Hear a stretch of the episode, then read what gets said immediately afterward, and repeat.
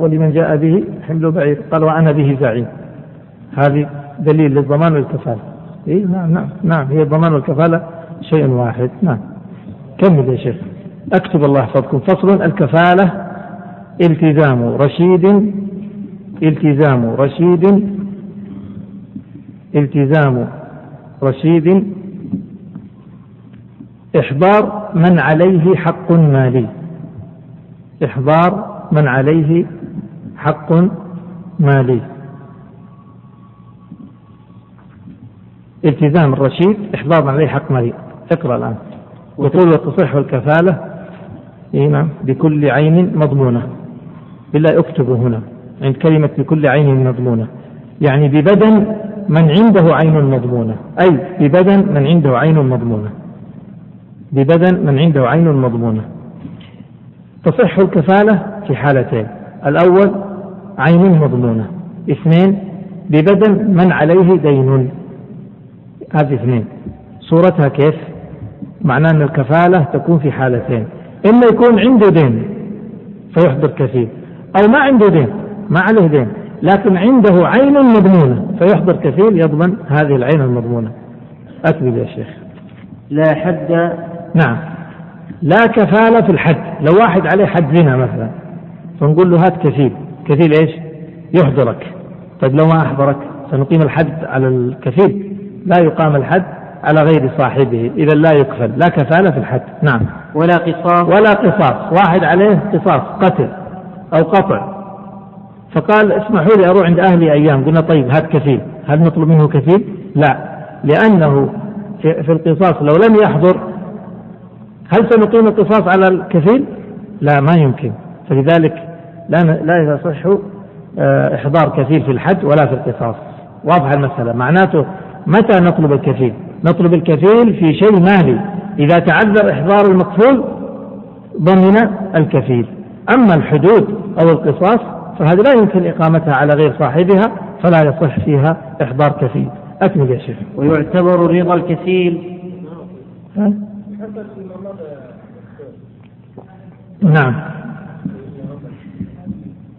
شوف يا إخوان يعني القصة هذه مثلا اولا الله أعلم بثبوتها من حيث الثبوت وعدمها لكنها لن تنفع ما تفيد شيء ما ينبني عليها شيء لأنه لو جاء واحد وقال أنا أكفل فلان إذا ما حضر أنا أحضره. طيب ما حضره إيش سووا فيه؟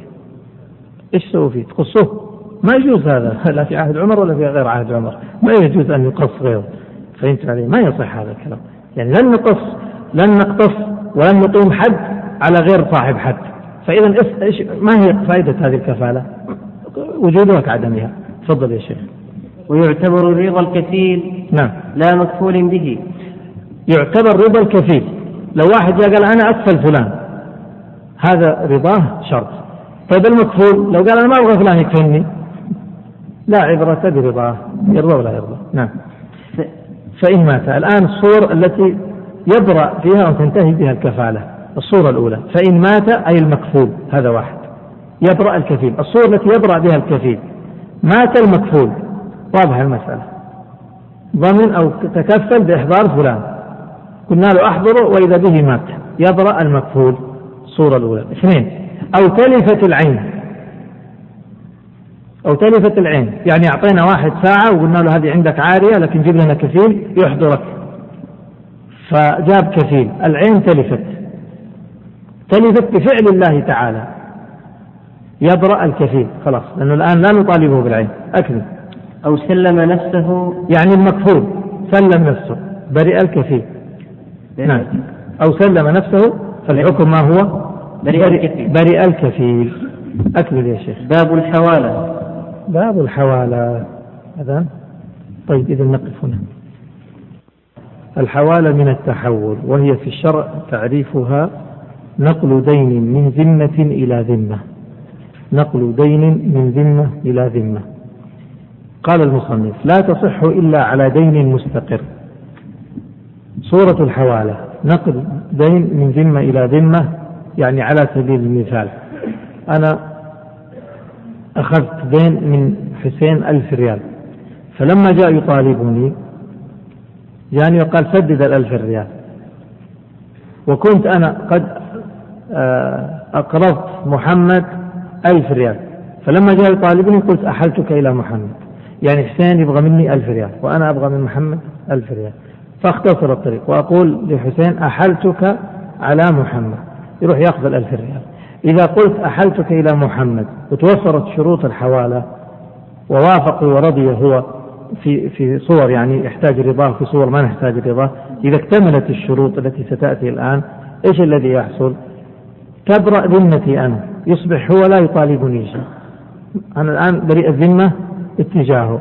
وأصبحت ذمة محمد ليست نحوي وإنما هي نحو حسين. يصبح الدين بين حسين ومحمد. هو حسين يطالبني وأنا أطالب محمد. فأحيل حسين إلى محمد. واضحة المسألة هذه.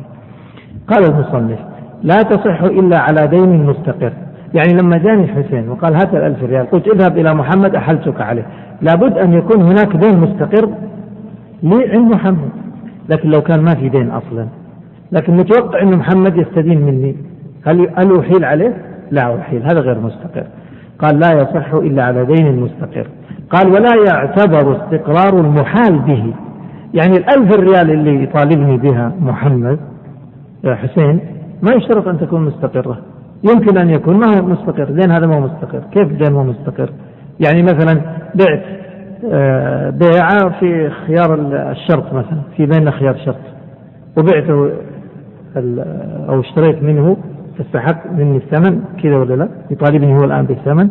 وخيار المجلس أو خيار الشرط قائم.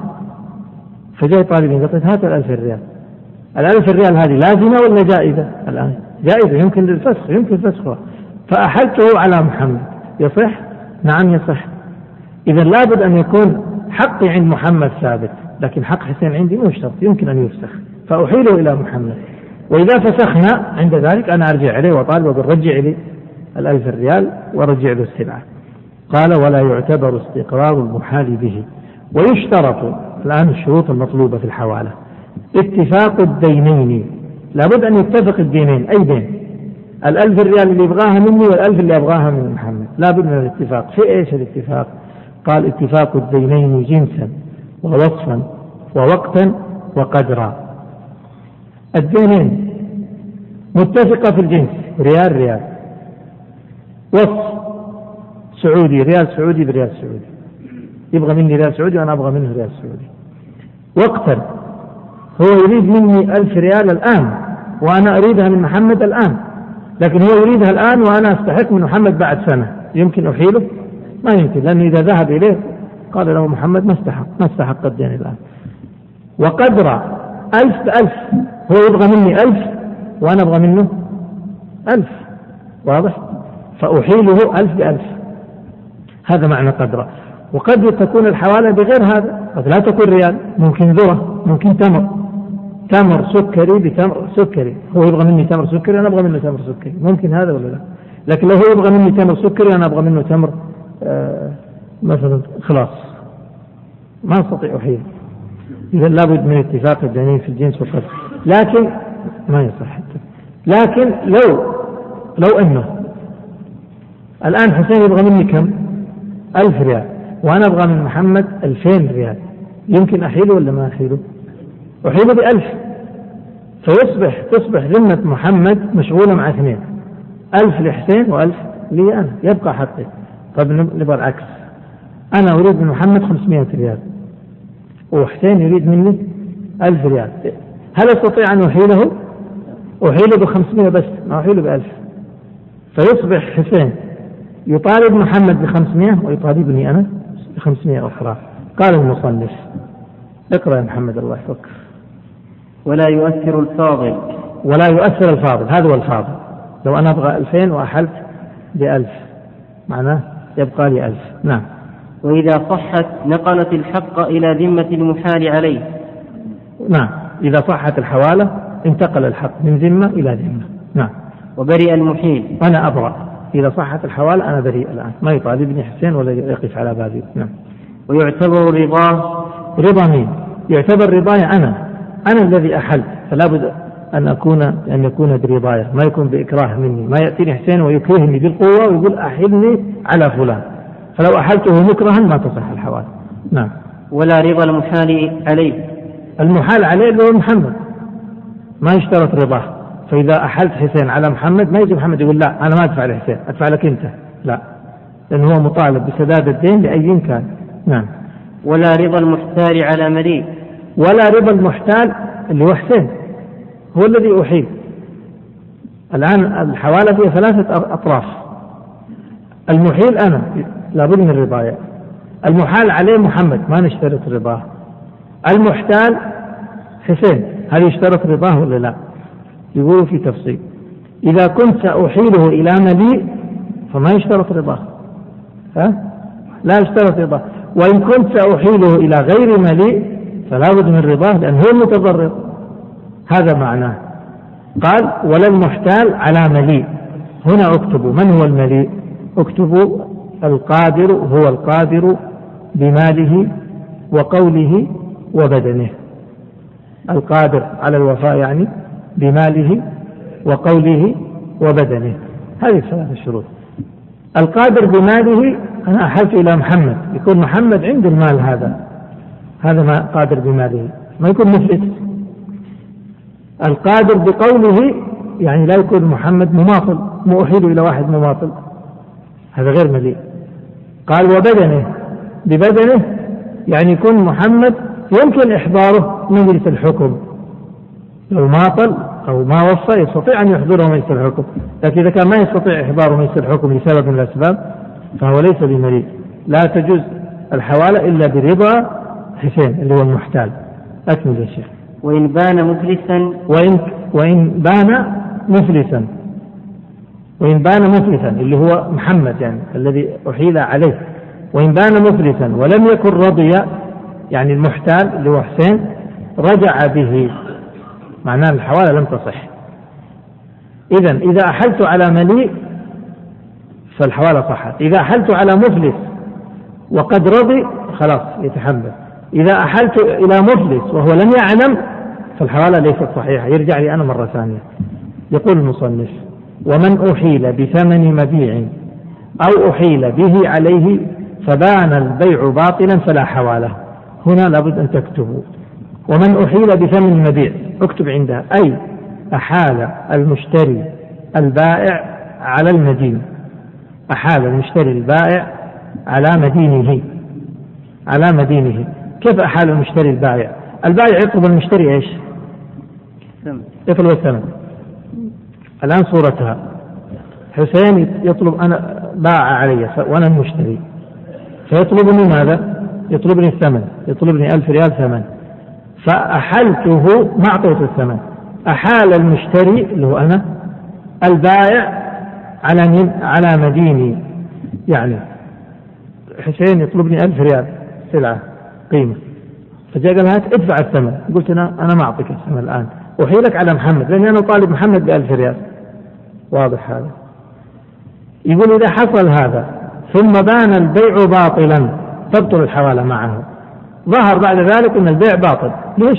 لأنه آه، اختل ركن من أركان من أركان أو شرط من شروط البيع. مثلا العلم بالثمن العلم بالسلعة الرضا الملك إلى آخره. أي سبب من الأسباب شرط من الشروط تتخلف فظهر أن البيع باطل. فنقول إذا الحوالة تبعا لذلك باطلة. قال أو أحيل به عليه. اكتب عندها أحال البائع مدينه على المشتري. أحال البائع مدينه على المشتري. كيف؟ الآن حسين يطلبني كم؟ ألف ريال. باع لي سنة يطلبني ألف ريال. وفي شخص يطالب حسين بألف ريال. فيقول حسين لهذا المدين الدائن عفوا دائنه حاله علي أنا. حسين يطلبني ألف ريال الثمن وشخص ثالث يطلب حسين. فحسين يقول للثالث هذا اذهب إلى فلان أحلتك على فلان خذ منه الثمن. يصح هذا. لكن إن ظهر أن البيع باطل فالحوالة باطلة. هذا معناه. قال وإذا فسخ البيع لم تبطل الحوالة لو في هذه الصورتين اللي مضت إيش الصورتين اللي مضت؟ حسين يطلبني المال فأحلت حسين على محمد. هذه الصورة الأولى. ثم ظهر أن البيع, البيع باطل قلنا الحوالة باطلة. هب أنه ما ظهر أن البيع باطل وإنما فسخنا البيع. يعني بعد ما حلتك على محمد فسخنا البيع. غيرنا رأينا في البيعة وأقلتك وأقلتني وانتهت ال... انتهى البيع. هل تبطل الحوالة؟ يقول إذا حصل فسخ لا ما تبطل الحوالة. هذا معناه الحوالة ما تبطل. يقول لم تبطل ولهما أن يحيلا. ولهما أن يحيلا. كيف لهما أن يحيلا؟ الآن أنا حلتك على محمد. أصبح الحق بينك وبين محمد. فتقول تحيل محمد علي أنا. بأن يحيل البايع المشتري البايع تحيلني أنا على محمد. الصورة مرة أخرى. حسين معلش معلش هذه الصورة تحتاج. حسين يطلب مني ألف قيمة إيش؟ قيمة السلعة. وأنا لي دين عند محمد فأحلت حسين على محمد متفقين على هذا. ثم فسخنا البيع. الآن الذمة تحولت. أصبحت الذمة بين مين؟ حسين يطلب محمد. ها؟ أنا حلته يطلب قيمة لا قبل الفسخ. قبل الفسخ الذمة مشغولة. لما انفسخ لا يقول لا مو خلاص. للأسف لو قال خلاص كان ما شرحناها كان انتهينا ما خلصها. المصنف عليه رحمة الله يقول كلام ثاني يقول في هذه الصورة لا تخربط يا إخوان انتبهوا. الآن حسين يطلبني وأنا أطلب محمد فأحلته. قلت لحسين أحلتك على محمد خذ منه. حوالة. لا متفقين على هذا. ثم فسخنا البيع. لما فسخنا البيع الآن؟ فسخنا البيع بعد ذلك ندمنا على البيع وألغيناه. ندمنا على البيع وألغيناه في هذه الحالة في هذه الحالة لما فسخنا البيع هل ينفسخ؟ تنفسخ الحوالة؟ يقول المصنف لا ما تنفسخ. طيب إيش نسوي في هذه الحالة؟ في هذه الحالة هل محمد يسدد لحسين لا ما يسدد له. طيب إيش يصير؟ يقول لا يحتاج أن البايع يحيلني أنا على محمد مرة لأن أنا سأرجع إليه وأقول رجع لي الثمن. فيقول أحلتك على محمد. فهمت المسألة؟ هكذا. خلاص أمين عدوها أمروها كما جاءت خلاص. هكذا. لأن إن قلنا انفسخ انفسخت الحوالة فمعناه ما في حوالة صارت. لكن قلنا ما فسخت الحوالة معناه أرجع إليه وأقول له حولني مرة ثانية أنت. حولني عليه على محمد كما كنا. قال باب الصلح. باب الصلح. الصلح في الشرع هو عقد يتوصل به إلى إصلاح إلى إصلاح بين المتخاصمين. عقد للإصلاح بين المتخاصمين الصلح ينقسم إلى نوعين صلح إقرار وصلح إنكار. صلح الإقرار ما هو؟ أطالبك بألف ريال فأقول هات الألف ريال. ويتعذر عليك الألف ريال تقول ما عندي ألف ريال. عندك ما عندي اعطني الألف ما عندي الألف ريال انتظرني ثم نتوصل إلى حل. صلح ما هو الصلح؟ فتقول لي ما رأيك؟ أعطيك 500 ريال سامحني في الباقي. هذه صورة. واضحة الصورة هذه؟ هذا هذه صورة. الصورة الثانية. تقول لي ما رأيك؟ أعطيك بدل الألف ريال مثلا هذه الساعة. خلاص بدل الألف ريال الساعة قد تساوي 500 ممكن تساوي 600 المهم هذا صلح؟ هذه الصورة الثانية.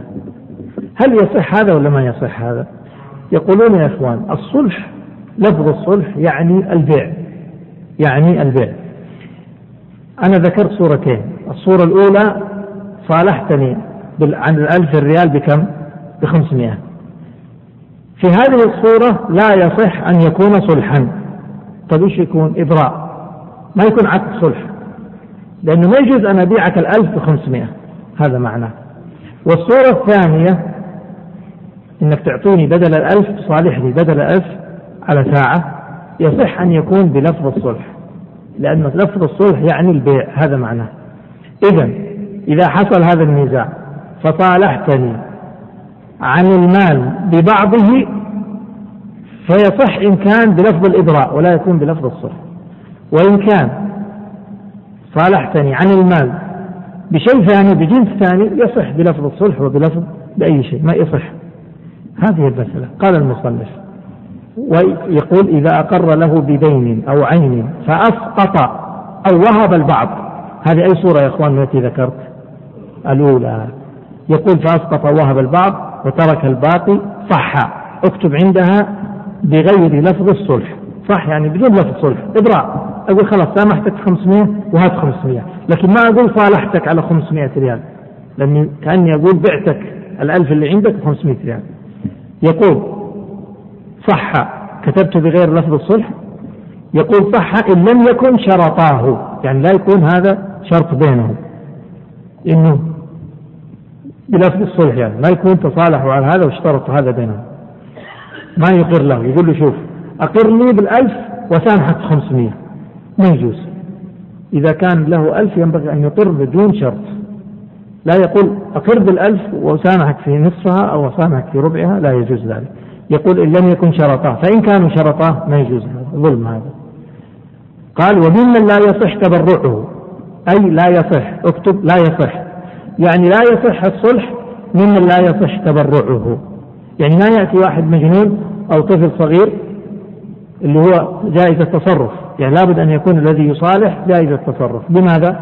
لأن الصلح بيع. قال وإن وضع بعض المال وأجل باقيه صح الإسقاط فقط. وبعض ال... وإن وضع بعض الحال وأسقط وأجل باقيه صح الإسقاط فقط. كيف وضع بعض الحال؟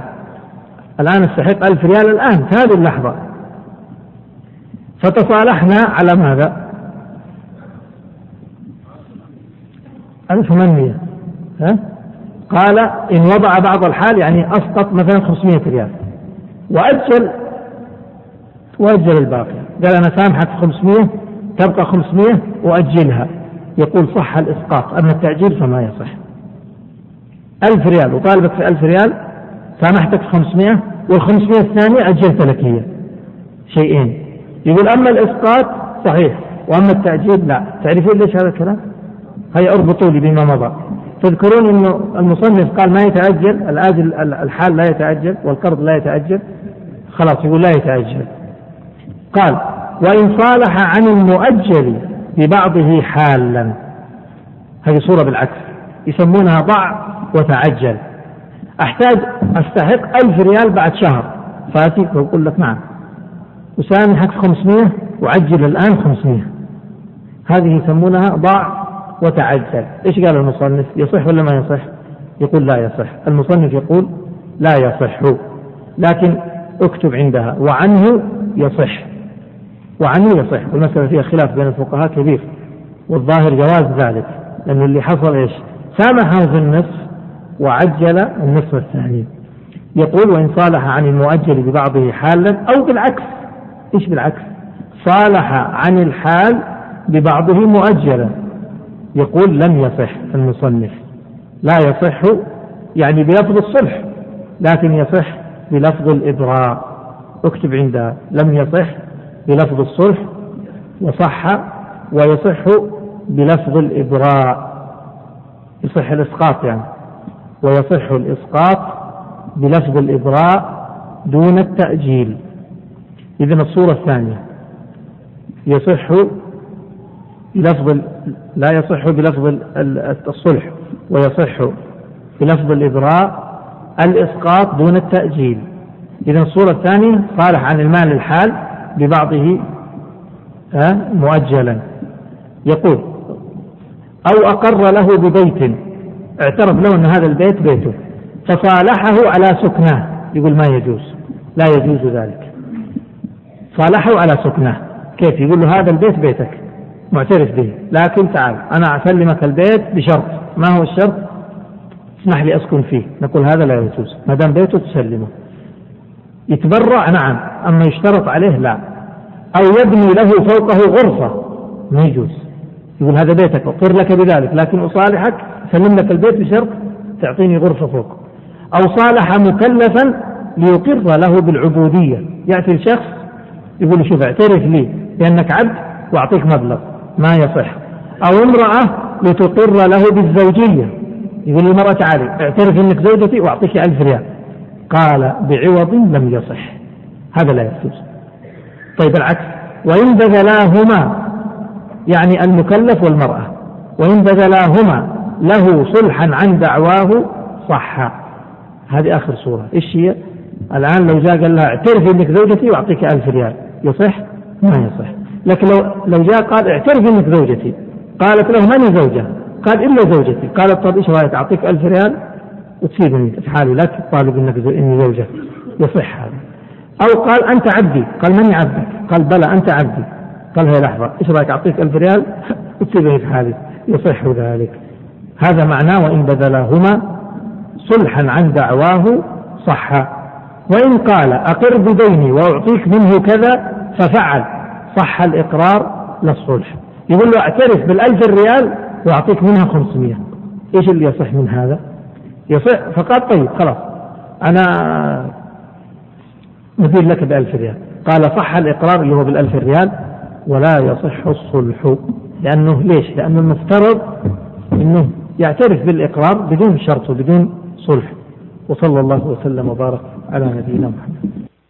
تبقى من باب الصلح وننبه قبل البدء إلى أن غدا الخميس وما بعده الجمعة آه، هي إجازة وراحة وهي فرصة للمراجعة أيضا.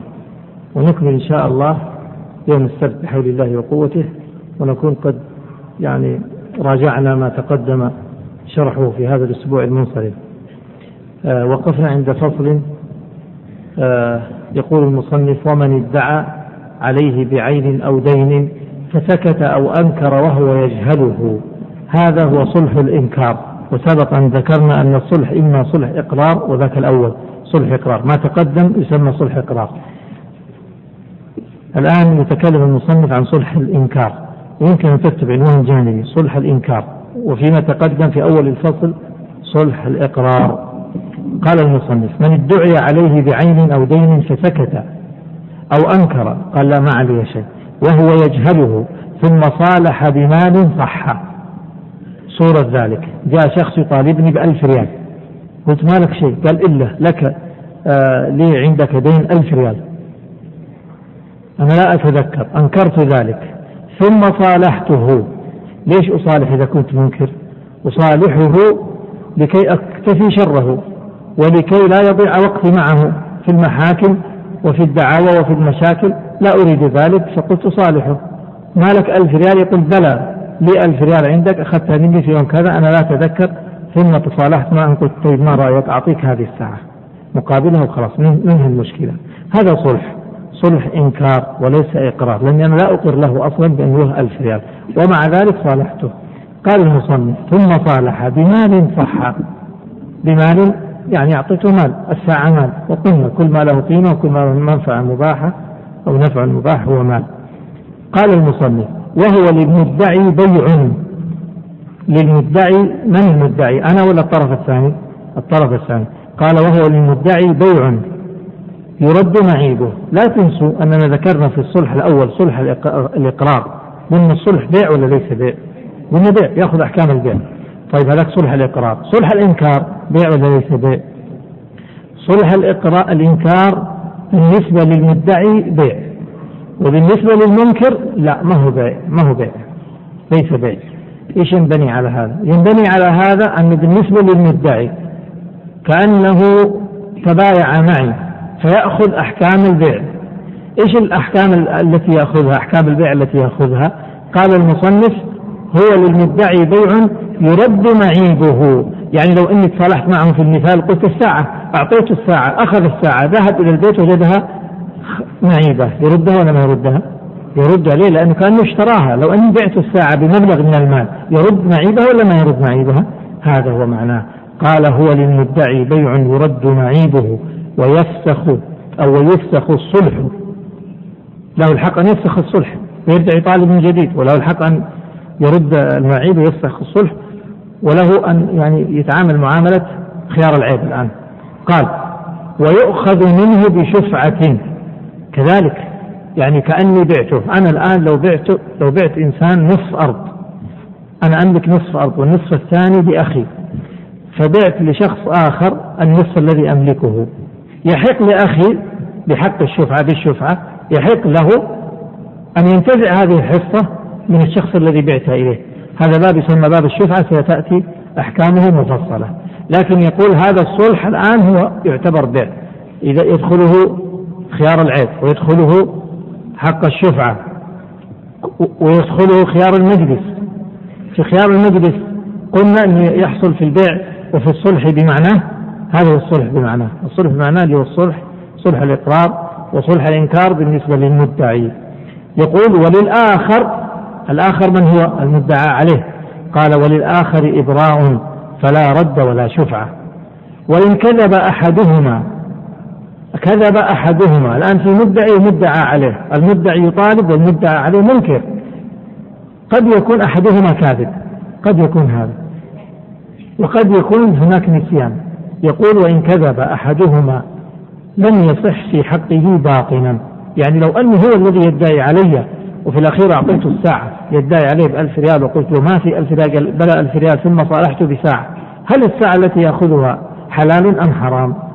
حرام. ما يجوز له أن يدعي بالباطل. وإن صالحت أنا. قال لم يصح في حقه باطنا ما أخذه حرام. ولا يصح بعوض يعني لا يصح الصلح بعوض عن حد سرقة وقذف. كيف حد سرقة شخص سرق مسكناه. نبغى نرفعه للقاضي ليقيم عليه حد السرقة. قال إيش رأيكم؟ تتركوني وأعطيكم ألف ريال. صلح. يصح هذا أم لا؟ لا يصح. إما أن نرفع للقاضي أو نستر عليه. لأنه يجوز أن الستر عليه قبل الوصول لولي الأمر. أما وصل لولي الأمر لا يجب عليه أن يقيم عليه الحد. قال وقذف لو شخص قذف شخصا فاستحق المقذوف أن يطالب بإقامة حد القذف عليه. يعني اتهمه بالزنا. فلو أنه أراد أن يشكوه وأن يطالب بحد القذف فجاء القاذف وقال لحظة لا تشتكيني ولا تقيم عليه دعوة أعطيك ألف ريال وتتنازل. قال المصنف لا يصح. ليش؟ هذه حدود إما أن تقام وإما أن تترك لا يباع ويشترى فيها. قال ولا حق شفعة. وحق الشفعة سيأتي. لو كان الإنسان يستحق الشفعة فجاء يريد أن يطالب فجاءه المشتري وقال له لا اترك الشفعة لا تطالب بالشفعة وخذ ألف ريال. يقول لا يصح هذا. وترك شهادة. شخص ذهب إلى المحكمة ليدلي بالشهادة.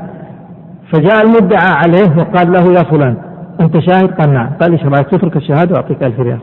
ما يجوز. إن كانت إن كانت الشهادة بحق يؤديها وإلا لا يأخذ مقابل تركها مال.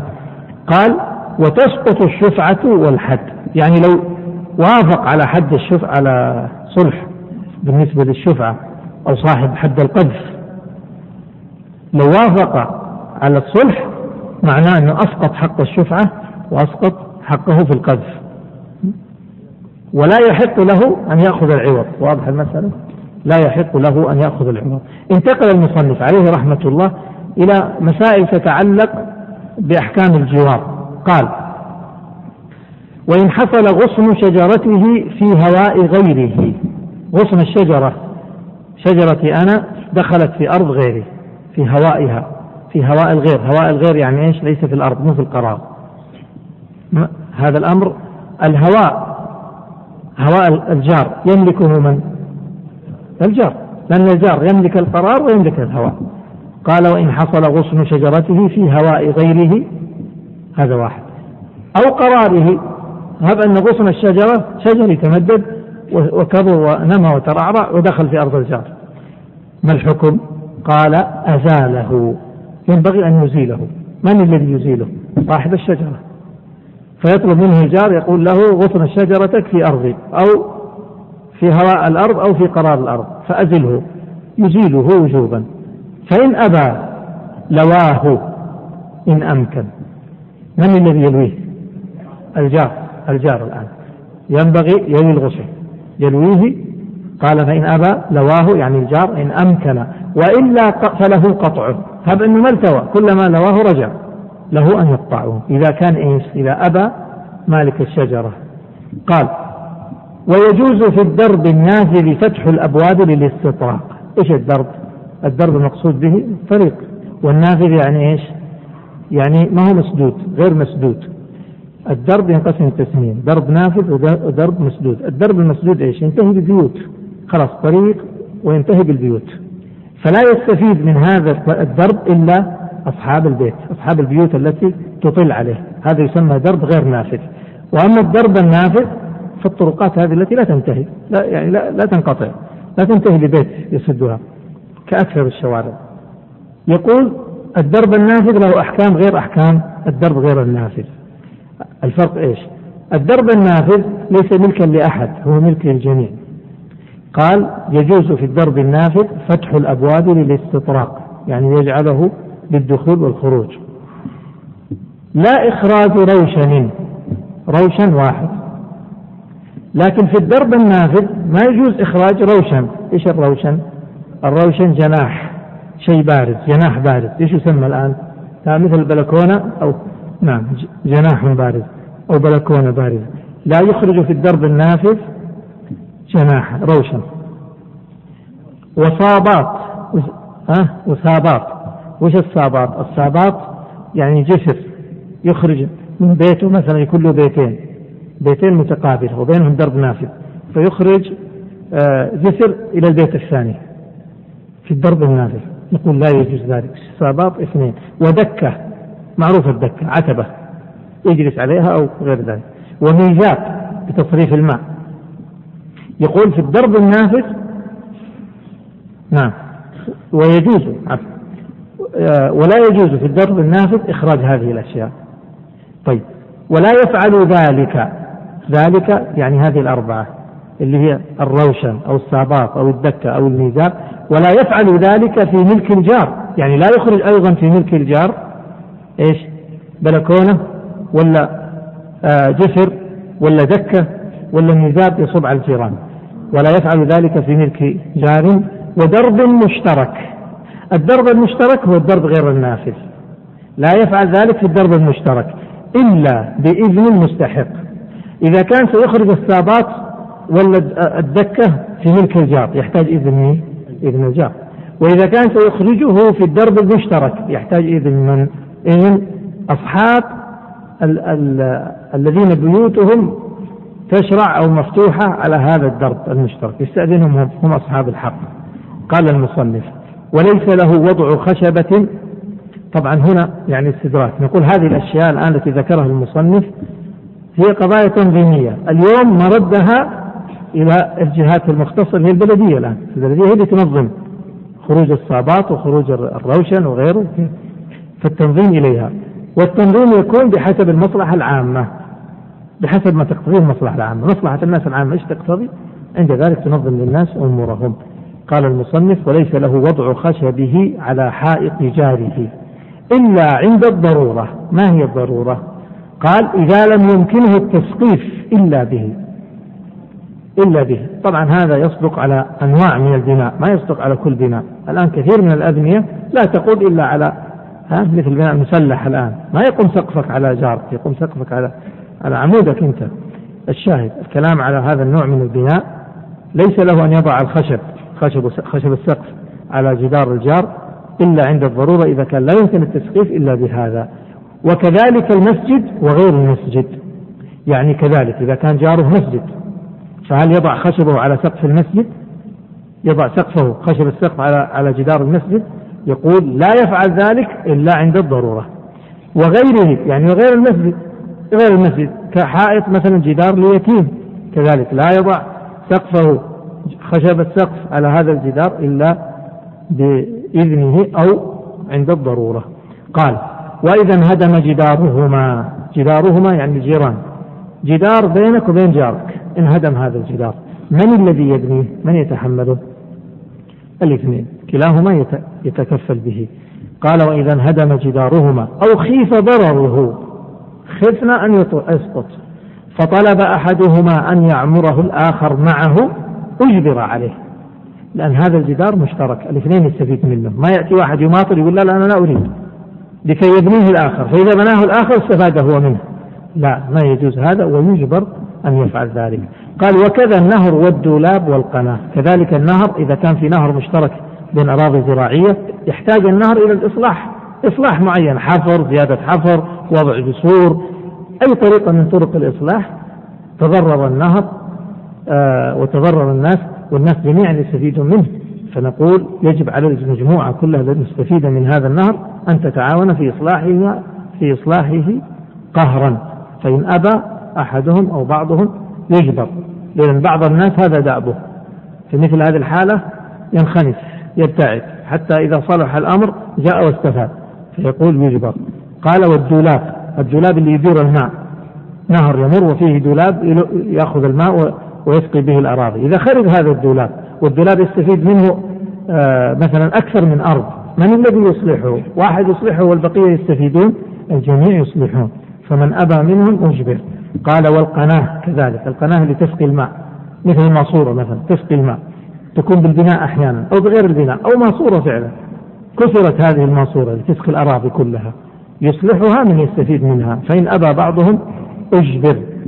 قال المصنف عليه رحمة الله وما زال الحجر. باب الحجر هذا من أسهل الأبواب. ما هو الحجر؟ الحجر اكتبوا تعريفه منع إنسان من تصرفه في ماله.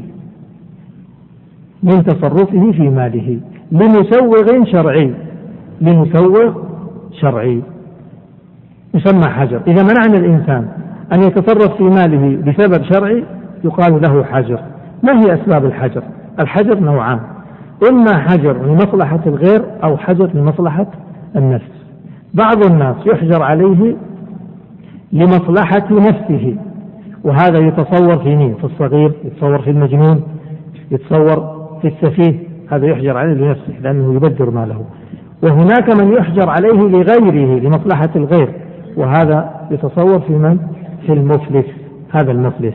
بدأ المصنف عليه رحمة الله بالمفلس فقال: المفلس الناس بالنسبة للمفلسين أو بالنسبة لمن من عليه دين ثلاثة أحوال إما شخص ما عنده شيء أبدا ويطالب مثلا على سبيل المثال شخص يطالب بألف ريال كم يملك؟ ما يملك ولا ريال. إيش نسوي في هذا؟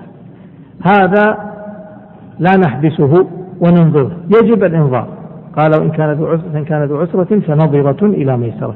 هذا لا يحبس ما عنده شيء ما يحبس. حتى يعني يوسر ويصبح عنده مال فعند ذلك يلزم. إذا هذا الأول اللي ما عنده شيء أبدا. الثاني الثاني يطالب بكم؟ المثال نفسه يطالب بكم؟ ألف ريال. كم عنده؟ عنده ألفين. عنده ثلاثة آلاف. هذا ماذا نفعل به؟ هذا يجب عليه أن يسدد الدين. فإن أبى أجبره الحاكم. يجبره الحاكم أن يدفع المال. فإن أبى باع الحاكم أمواله عنده أرض عنده بيت يبيعها ويسدد للناس. هذا الثاني. الثالث. الثالث. مديون بكم؟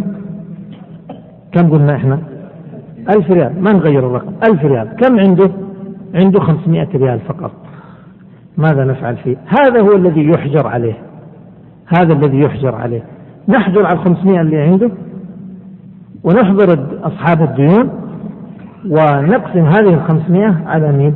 على أصحاب الديون بقسطهم. كيف بقسطه؟ يعني دينه ألف. والمال اللي عنده كم؟ يعني عنده كم تقريبا؟ نسبة كم؟ خمسين المئة. النصف فنأتي للدائمين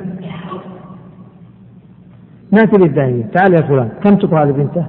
أطالب ب 300 ريال نعطيه 150 نروح للثاني كم تطالب؟ ب 400 ريال نعطيه 200 وهكذا. لأنه معناه أنه كل دائن سينخصم عليه النصف وهكذا. ولو فرضنا أنه دينه ألف ريال والمال اللي عنده ثمانمائة ريال معناته كل واحد سنعطيه كم من دينه؟ ثمانين في المئة. هذا هو. هذا هو الحجر. قال المصنف الآن لمصلحة الغير. الآن نبدأ بالحجر بمصلحة الغير وهو الحجر عن المفلس. الحجر عن المفلس. قال المصنف ومن لم يقدر على وفاء شيء من دينه لم يطالب وحرم حبسه. هذا الأول. الثاني ومن ماله قدر دينه وأكثر أو أكثر لم يحجر عليه وأمر بوفائه فإن أبى حبس بطلب ربه. بطلب رب الدين يعني. بطلب رب الدين. فإن أصر ولم يبع ماله باعه الحاكم وقضاه. انتهينا. قال ولا يطالب بمؤجل. هل يجوز أن يطالب إنسان إنسان بدين سيحل بعد سنة؟ يقول لا. إذا جاء بعد سنة يطالب. ومن ماله؟ هذا الثالث. هذا الثالث اللي ماله ما يكفي الديون. قال ومن ماله لا يفي بما عليه حالا. مثل اللي قلنا هذا دينه ألف وعنده خمسمائة. ما حكمه؟ قال ومن ماله لا يفي بما عليه حالا. وجب الحجر عليه بسؤال غرمائه. انتبه لهذا؟ لا يحجر عليه إلا بطلب الغريب. لكن إذا كان الغرماء ما طلبوا هل يحجر عليه الحاكم؟ لا ما يحجر عليه. قال بسؤال غرمائه أو بعضهم أو بعضهم لو واحد من الغرماء طلب نحجر عليه ونسدد هذا الواحد. ويستحب إظهاره. إظهار إيش؟ إظهار الحجر إن فلان محجور عليه حتى لا أحد يعطيه حتى لا يتورط أحد معه ويعطيه مال. قال ولا ينفذ تصرفه في ماله بعد الحجر. لو أنه بعد أن حجر عليه تصرف باع أرض أو أعطى أحد هبة ما يتصرف ما ينفذ تصرفه في المال لأن المال محجور عليه الآن لمصلحة الغير فلا يصح تصرفه. طيب ولا إقراره عليه. لو أقر الآن دين خمس ألف الدين ألف ريال والمال خمسمائة ريال. حجرنا عليه حجر القاضي اللي يحجر هو القاضي. حجر القاضي عليه فقال لحظة يا إخوان ترى فلان يبغى مني كمان ألف ريال. ما نقبل هذا الإقرار. في المال ده ما نقبله. ليش؟ لأنه قد يكون حيلة يدخل شخص معهم حتى يأخذ حصة ثم ترجع إليه مرة أخرى. قال ومن باعه؟ يعني لو أن شخص باع على هذا المفلس المحجور عليه. ومن باعه؟ أو أقرضه شيئا بعده يعني بعد الحجر. رجع فيه يعني في ماله إن جهل حجره. وإلا فلا. إذا إذا حجر عليه لو جاء إنسان وأعطاه أعطاه مال وهو يعلم أنه محجور عليه. هل يرجع؟ ويطالب؟ ما يطالب. لكن لو أعطاه وهو يجهل يطالب ولا ما يطالب؟ يطالب انتبه نقصد إحنا يطالب بعين المال. كيف؟ الآن هذا محجور عليه. فجاء شخص وأعطاه ساعة وهو يعلم أنه محجور عليه. ما يطالب بالساعة. الساعة تدخل في الأموال نبيعها ونعطي للغرماء جميعا. لكن لو أعطاه ما يدري ثم اكتشف أنه محجور عليه. له أن يرجع يقول هاتوا ساعتي بس ساعتي أريدها وأخذها وأطلع. أنا أعطيته بجهل مني ولا أعلم أنه محجور عليه. قال وإن تصرف في ذمته هب أن هذا المحجور تصرف في الذمة يعني راح السدان هو دينه ألف ريال راح استلف كمان فوق الألف ألف ريال. تصرف في ذمته أو أقر بدين لشخص آخر يعني أو أقر بجناية أو جناية توجب قودا يعني توجب قصاص. أو توجب مالا. أقر أنه جنى على فلان جناية توجب الدية مثلا. صح. نقبل هذا. التصرف في الذمة نقبله. إقراره بالدين نقبله. الجنا إقراره بالجناية التي توجب القصاص أو توجب الدية نقبلها. قال صح. ويطالب به بعد فك الحجر عليه. إذا نقبل هذا لكن ما هو الآن. نقول هذا الإقرار مقبول لكن ما نتصرف فيه.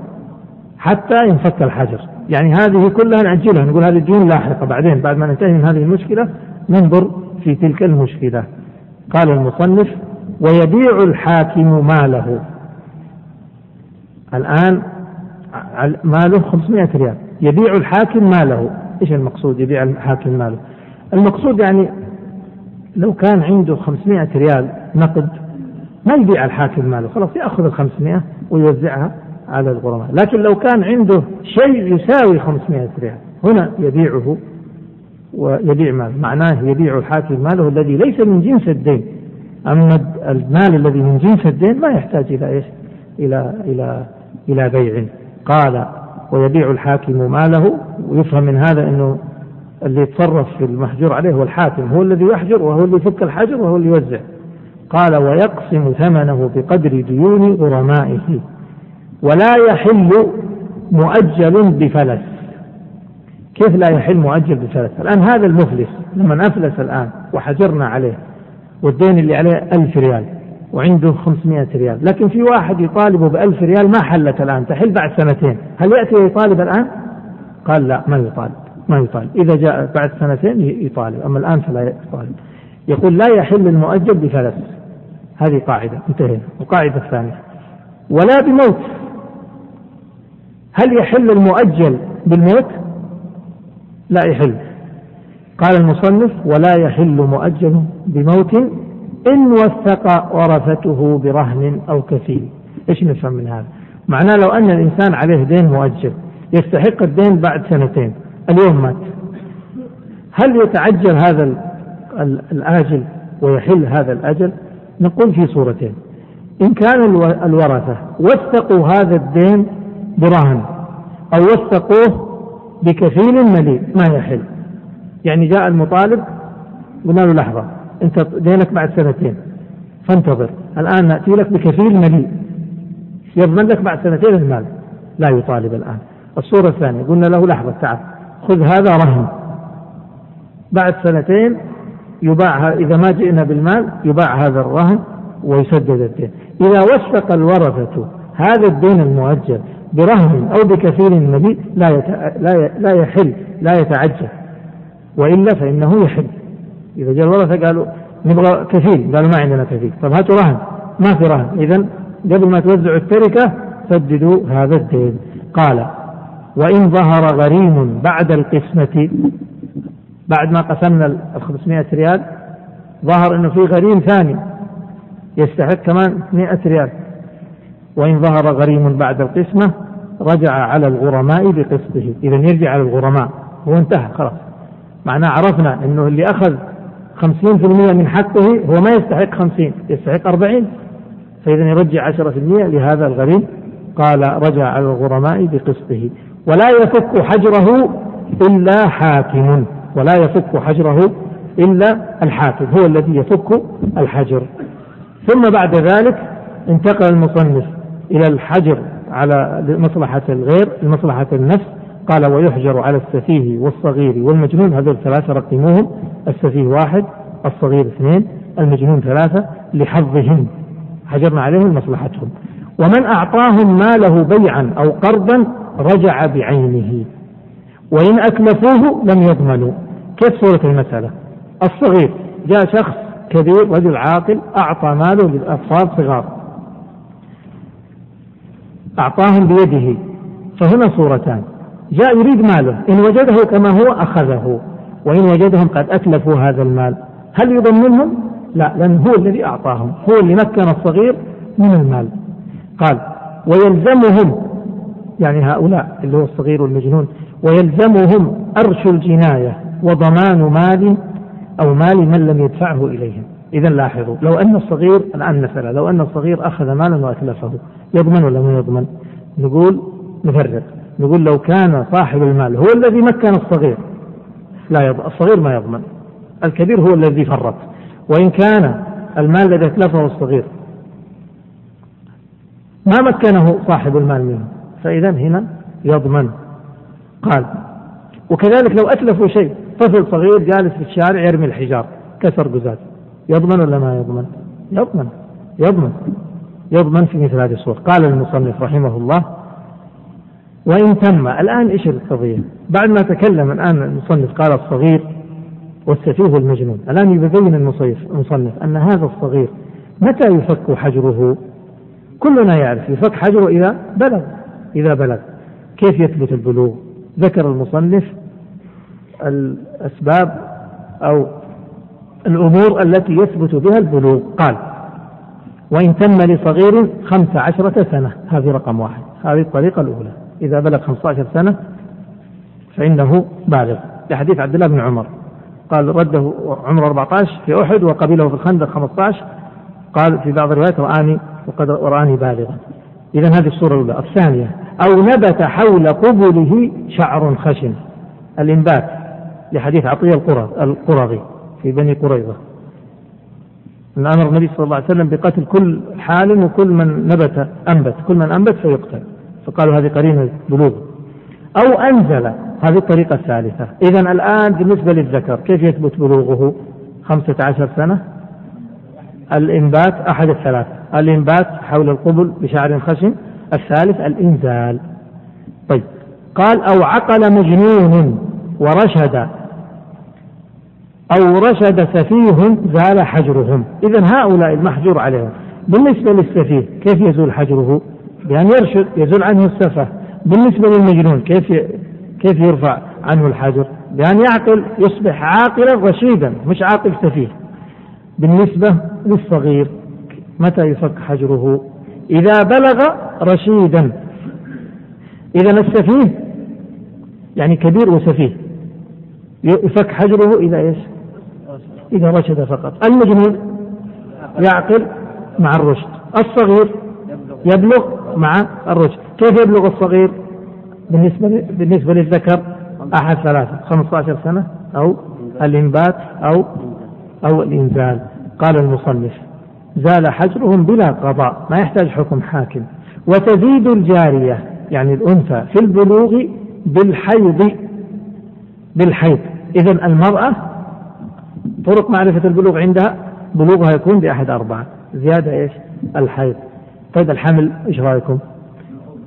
الحمل باب أولى قال وإن حملت حكم ببلوغها. يعني هل الحمل نقول هو رقم خمسة؟ لا هي أربعة فقط. هي أربعة. الحمل ليس سبب مستقل. الحمل دليل وجود إنزال. دليل إنزال. قال وإن حملت حكم ببلوغها اكتب عندها بالإنزال. مش بالحمل. إذا بالنسبة للمرأة أربعة أسباب أو أربعة أحد أربعة أمور. وبالنسبة للذكر ثلاثة فقط. قال ولا ينفك قبل شروطه. قال المصنف والرشد الصلاح في المال. الآن يعرف الرشد. كيف تقول الرشيد؟ وش هو الرشيد؟ قال الرشد الصلاح في المال بأن يتصرف مرارا فلا يغبن غالبا. يعني ما ينخدع يضحك عليه يبيعوا ما يساوي واحد بعشرة وما يساوي عشرة بألف. أو بمئة. قال ولا يبذل ماله في حرام أو في غير فائدة ولا يدفع إليه حتى يختبر قبل بلوغه. ما نعطي الصغير المال إلين نختبره نجربه. في الشراء يشتري يشتري أشياء ما ينخدع عليه ما يضحك عليه ما ينخدع. قال حتى يختبر قبل بلوغه بما يليق. ووليهم حال الحجر من وليهم؟ إذا قلنا هؤلاء محجور عليهم طيب من هو الولي عليهم؟ قال حال الحجر واحد الأب. اثنين إذا ما كان في أب الأب ميت. ثم وصيه. كيف وصيه؟ الأب مات. قبل أن يموت أوصى كتب في الوصية ها ولي على أولادي في المال فلان. خلاص هذا الوصي يقوم مقام الأب. ثم هب أنه لما مات ما كتب وصية. قال ثم الحاكم. الحاكم يصير هو الولي. أو يعين الحاكم. قد لا يكون الحاكم هو الولي يعني القاضي. القاضي ما راح يكون ولي كل الناس لكن يعين من قبله شخص. قال المصنف الآن سيتكلم عن أحكام هذا الولي. الولي هذا وش يسوي؟ يقوم بإيش؟ ما هو؟ ما ماذا يباح له وما الذي لا يباح؟ ما ما يجوز له وما لا يجوز؟ قال ولا يتصرف يعني الولي لأحدهم ولا يتصرف لأحدهم وليه إلا بالأحظ. إيش يعني الأحظ؟ يعني الأفضل. الأفضل الأفضل. هب أن هذا الصغير المحجور عليه عنده عمارة أو عنده أرض. إيش الأفضل فيها؟ الأفضل فيها يأجرها؟ يأجرها. الأفضل فيها يعمرها؟ يعمرها. الأفضل فيها ها؟ الأصلح لها يفعل. قال لا يتصرف إلا بالأحظ طيب عنده مال ماذا يفعل به؟ قال ويتجر له مجانا. يتجر يعني يتاجر بماله مجانا. ما يأخذ شيء. ما يأخذ شيء. قال سيأتي تفصيله بعدين إذا كانوا غني لكن إذا كانوا فقير سيأخذ يعني ما يكفيه. قال ويتجر له مجانا. وله يعني ويجوز له دفع ماله مضاربة بجزء من الربح. يمكن يأخذ مال الصغير هذا أو المجنون ويعطيه شخص مضاربة. تعرفون المضاربة؟ شخص يدفع المال والشخص والثاني عليه التجارة والعمل والبدن. قال مضاربة بجزء من الربح يجوز ذلك. قال ويأكل الولي الفقير من مال موليه الأقل من كفايته أو أجرته مجانا. طيب إذا نقول ما يأخذ؟ يتجر له مجانا. طيب هل يأكل الولي من هذا المال؟ إن كان غنيا لا يأكل. طيب وإن كان فقيرا؟ إن كان فقيرا لا, لا, لا عندنا احتمالان. إما أن نعطيه أجرة المثل أو نعطيه الكفاية. فنعطيه ماذا ننظر. نقول الكفاية كم؟ كم كفايته؟ كفاية ألف ريال. طيب لو. لو أردنا أن نأتي بشخص بأجرة كم سندفع؟ مثلا 1500 ريال. إذا يأخذ إيش؟ يأخذ الأجرة ولا يأخذ الكفاية؟ يأخذ الأقل هي كفاية افرض العكس. ما يكفيه ألف ريال وأجرة مثله 500 ريال. كم نعطيه؟ نعطيه الأقل. قال ويأكل الولي الفقير من مال موليه الأقل من كفايته أو أجرته مجانا. معنى مجانا أي لا يرده لا يرده إذا أيسر. الآن هو فقير. فأعطيناه الأقل. هب أن الأقل ألف ريال. أخذ الشهر هذا ألف ألف ألف. كل شهر يأخذ ألف. بعد سنة اغتنى. هل يرد هذه الآلاف؟ لا يردها. إذا قوله مجانا يعني لا يردها. قال المصنف ويقبل قول الولي والحاكم بعد فك الحجر في النفقة. الآن هذه المسألة لو حصل خلاف كبر هذا الصغير أو عقل هذا المجنون. وأخذ أمواله. فبدأ النزاع بين الصغير اللي كان صغير هذا بعد أن كبر وبين الولي. تنازع هو والولي أو تنازع هو والحاكم. في ماذا؟ تنازع مع مع الحاكم أو مع الولي في النفقة. قال للولي أنت كم أنفقت عليه؟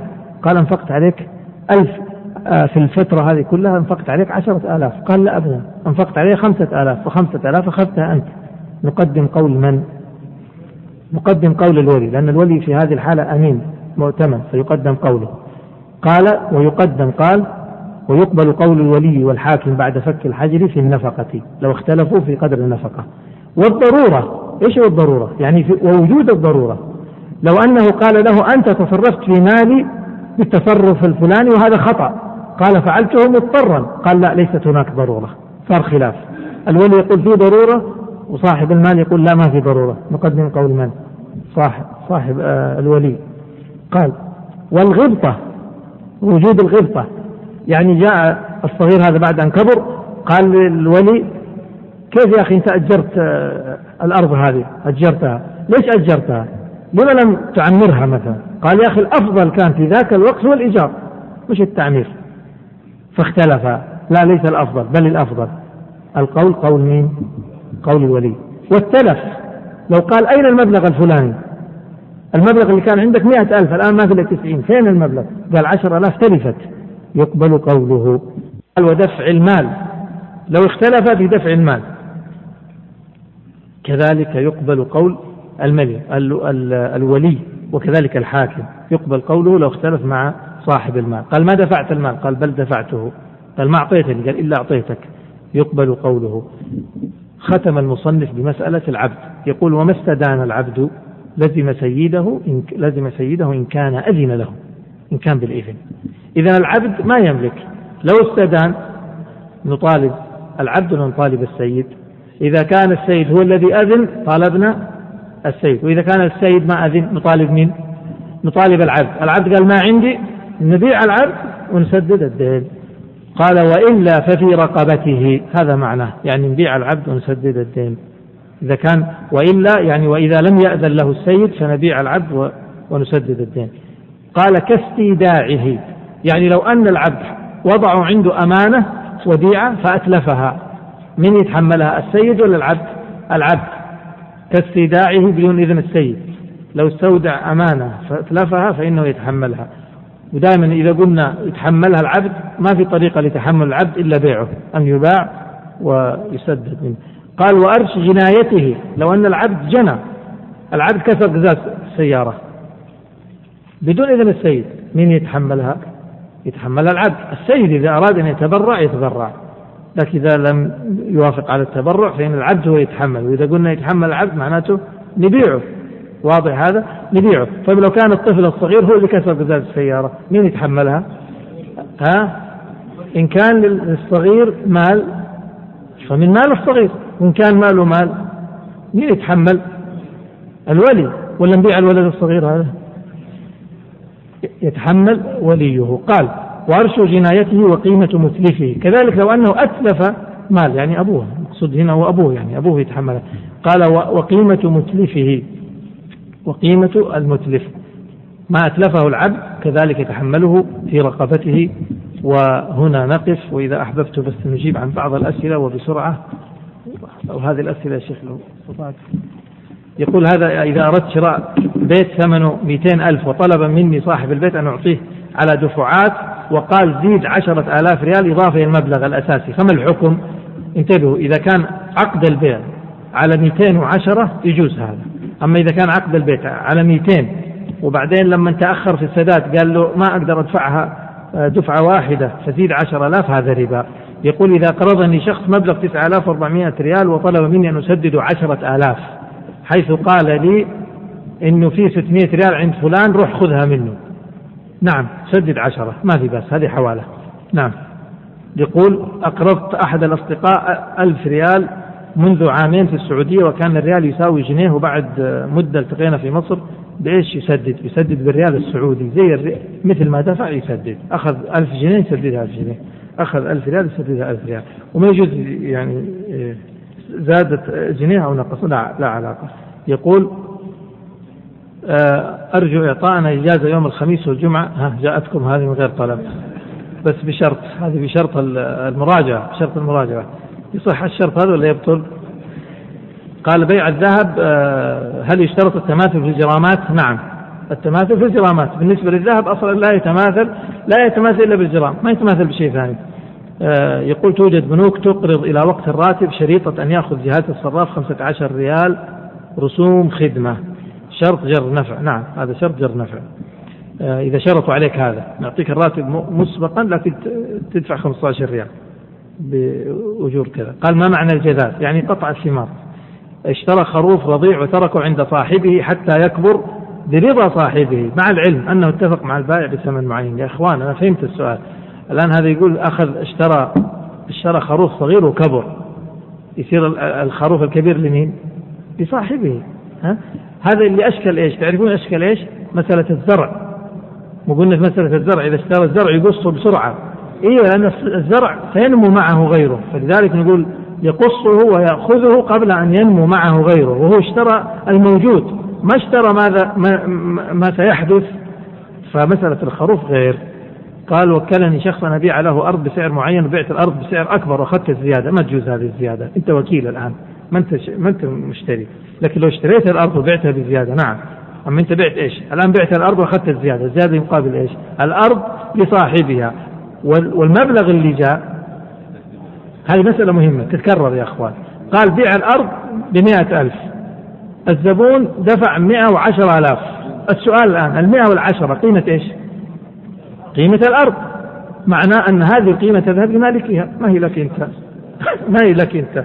لكن إذا أذن لك خذ العشرة معلش إذا أذن لك بالزيادة نعم. معلش لو قال لو أذن لك بالزيادة خذها. أما بدون لا. لأن هذه الزيادة ما دخلت مالك ليست من مالك. يقول هل يجوز أن أدفع أدفع مبلغ كامل مقابل قطعة خيار تصل بعد ثلاثة أيام وتعين نعم تعينها بالكمبيوتر. هذا يسميه إيش يا مشايخ؟ إذا كانت معلومة الأوصاف هذا هذا السلام. يقول بيع الأرض والشجر هل يرجع الحكم في التمر إلى الحديث مطلقا؟ نعم. أم للعرف؟ لا للحديث. أقرضني صديقي خمسة آلاف ريال وأعادها لي في بلد آخر آه، جزء بالدولار وجزء بالدينار. لا يردها بالريال. وإذا أردت أن تحولها لدينار أو دولار تتصارفوا في نفس الجلسة. شوفوا كم قيمتها الآن كم تساوي بالدينار ويعطيك هي بسعر اليوم. بسعر اليوم مش بالسعر الماضي. يصير صرف. ندخل. ها؟ يوم يوم الرد يوم الرد يوم الرد. في هذا اليوم اللي راح يرد فيه. وبشرط يسلم في الحال. في نفس اللحظة. إيه؟ ما عنده ريال بيرد بعملة ثانية نشوف كم قيمة العملة اليوم. وندفع بحسب الريال وندفع يقول شركات إيش؟ عادة ما تكتب في إعلانها أفضل أجود أنواع الشاي. مثلا هل يصح ذلك؟ للأسف الدعاية أكذب من الواقع. وما يجوز هذا إخوان يعني الدعاية شوف الأصل في الدعاية أنها جائزة مباحة لكن أن تحتوي على الكذب والتدليس والتزوير والإيهام هذا والله ما يجوز. والإنسان ما يجوز أن يكسب يكسب من, وراء هذه الدعاية المحرمة. لا شركات الدعاية ولا الشركات اللي تسوي الدعاية. لما يوهمك أن هذه السلعة من فوائدها كذا وكذا وهي ما هي من فوائدها هذا إيش؟ هذا الكذب. وإذا أوهمك أن هذا أحسن بضاعة في السوق وغيرها ما في ما تصلح. هذا اللي ينظف وهذاك ما ينظف. هذا اللي يشبع وذاك ما يشبع. هذا الذي ما يصلح هذا الكلام. يا أخي الأرزاق بيد الله سبحانه. ما في داعي للكذب. من أجل كسب المال. هذه غرر طبعا غرر أو تكون كذب أو إيهام وتدليس كل ذلك لا يلزم. أما إذا كانت الدعاية صادقة أو العبارة التي أطلقت صحيحة خلاص ما في معنى قال قلت هذا هذه السلعة منظفة للثياب أو هذه السلعة دواء للصداع أو هذه السلعة ما في حرج. خلاص هي فعلا هي دواء للصداع. أما أن تكذب وتقول هذا هو الدواء للصداع وغيره يزيد الصداع هذا اللي يذهب الصداع وغيره يزيده ما يصح هذا الكلام. وإن وضع معه النساء أحسن وأحسن كمان. أحسن في, في الإثم يعني. والعياذ بالله. قال اقترضت ستين ألف من رجل على أن أشتري سيارة أجرة وأسددها على أقساط كل شهر ثلاثة آلاف للرجل وأعطيه زيادة عشرة آلاف. لا ما يجوز. اقترضت ستين ألف ترد ستين ألف. يبقى يعطيك يبغاها سبعين ألف يروح يشتري لك سيارة أجرة يشتريها شراء ثم شوفوا لاحظوا ثم في ترتيب زمني. يشتري سيارة الأجرة بكيفه بستين بسبعين بخمسين بكم؟ يشتري سيارة الأجرة ثم يبيعها لك بسبعين. ولازم ترتيب الإيش؟ ترتيب العقود بهذا الترتيب الزمني. يقول رهنت أرض زراعية وتصرف المرتهن بزراعتها فهل نتاجها؟ كيف رهنها؟ كيف تصرف بها؟ بأي حق يتصرف بها؟ سمحت له أنت أذنت له بزراعتها وإذا ها؟ أجل. طيب إذا كان فيه تفصيل خل بعدين نجي سلامك هل المال المحجور عليه هل المال المحجور عليه زكاة؟ أي مال عليه زكاة طبعا. عليه زكاة هذا عليه زكاة. من حكم آه، ما حكم من يحجب على والده من غير مسوغ شرعي. ما يجوز من غير مسوغ شرعي لا يجوز لا على والده ولا على غير والده ولا حتى على ولده. هل يشترط مساواة الرهن للسلعة المرتهنة لا ما يشترط يعني ممكن ممكن يكون القرض قيمته ألف ريال والسلعة قيمتها ألفين. أو القرض قيمته ألف ريال والسلعة قيمتها خمسمائة قال توفرت شروط الزواج ولي شاهدين. دخلنا في الزواج نحن ظهر أن الزوجة غير مستقيمة ولا مقيمة. هل الزواج فيه توفرت شروط الزواج ولي شاهدين؟ ها؟ ولي ولي وشاهدين وإيش كمان؟ ومهر إلا أن الزوجة غير مقيمة. هل الزواج فيه؟ إذا كان يعني حضور الزوجة ما هو شرط لصحة العقد. إذا كان وليها هو الذي زوج قد تكون هي غير موجودة.